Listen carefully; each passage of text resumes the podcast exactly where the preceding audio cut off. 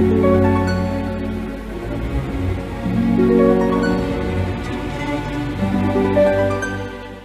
Taurus, saya nama Madam Aza. Kita bacakan sekarang kartu tarotnya. Yang pertama adalah untuk karir Taurus.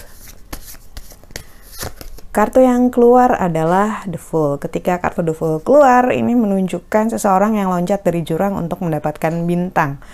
Loncat dari jurang untuk mendapatkan bintang ini adalah melakukan sesuatu hal yang tanda kutip berisiko. Berisiko ini bukan berarti berbahaya gitu ya, membahayakan jiwa dan raga, no. Ini lebih kayak membuat sebuah keputusan yang kemarin-kemarin belum berani kamu putuskan ataupun belum saatnya kamu putuskan atau melakukan sesuatu yang berbeda dari biasanya. Ini menunjukkan orang yang meninggalkan tanah satu hal yang udah lama dipijak, satu hal yang udah jelas gitu. Dan memetik bintang di mana bintang ini adalah sesuatu hal yang kamu kejar, satu hal yang kamu inginkan, satu hal yang kamu harapkan. Karena itu kartu The Fool ini menunjukkan taking a risk, it's okay gitu. Nggak apa-apa loh ngambil risiko, asal kita juga tahu konsekuensinya apa dan kita bisa mempertimbangkan langkah-langkah strategis mau seperti apa ke depannya. Nggak cuman asal loncat-loncat aja. Lalu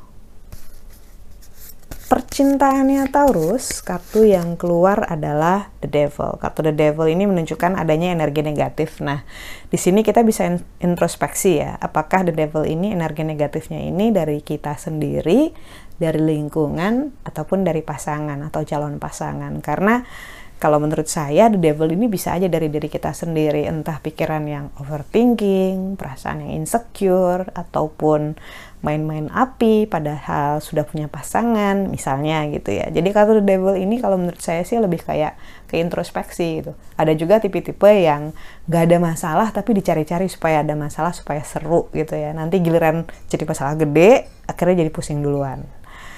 Lalu kartu nasihat yang diberikan untuk Taurus kartu yang keluar adalah chariot. Ketika kartu chariot keluar ini menunjukkan kereta yang membawa sampai ke tujuan, namun tujuannya itu jauh. Dalam arti apabila ada satu hal yang kita fix, kita pengen kejar, ada se sebuah situasi, kondisi seseorang yang ingin kita dapatkan gitu ya, kita udah yakin nih gitu. Maka kartu chariot ini menunjukkan bahwa prosesnya nggak semudah membalikan telapak tangan karena prosesnya ini naik kereta tandanya tempatnya jauh gitu. Dan sepanjang perjalanan ada debu, ada kerikil, ada gangguan gitu ya. Yang bilang bahwa diperlukan endurance daya tahan gitu. Jadi karena itu yakinkan dulu memang benar mau ke arah sana. Jangan sampai nanti udah di setengah jalan nih terus ngerasa ah mendingan putar balik deh kayaknya ribet nih. Nah itu nggak nggak disarankan. Karena kartu chariot ini bilang bahwa kalau misalnya kamu pengen all out gitu ya 100% harus yakin dulu harus tahu dulu mau ke mana alasannya apa uh, jelas nggak gitu jangan sampai kayak yang mengalir seperti air eh mengalir mengalir mengikuti arus gitu ya eh tapi ternyata harusnya bawa ke tempat yang berbeda jadinya kan zong Sekian bacaannya, semoga bermanfaat. Kita doakan yang terbaik saja untukmu. Semoga sehat selalu, panjang umur, kaya raya, bahagia, berkelimpahan, segala hal yang baik dari Tuhan Yang Maha Esa. Terima kasih bantu saya dengan cara diklik like-nya, subscribe, share, dan juga komen.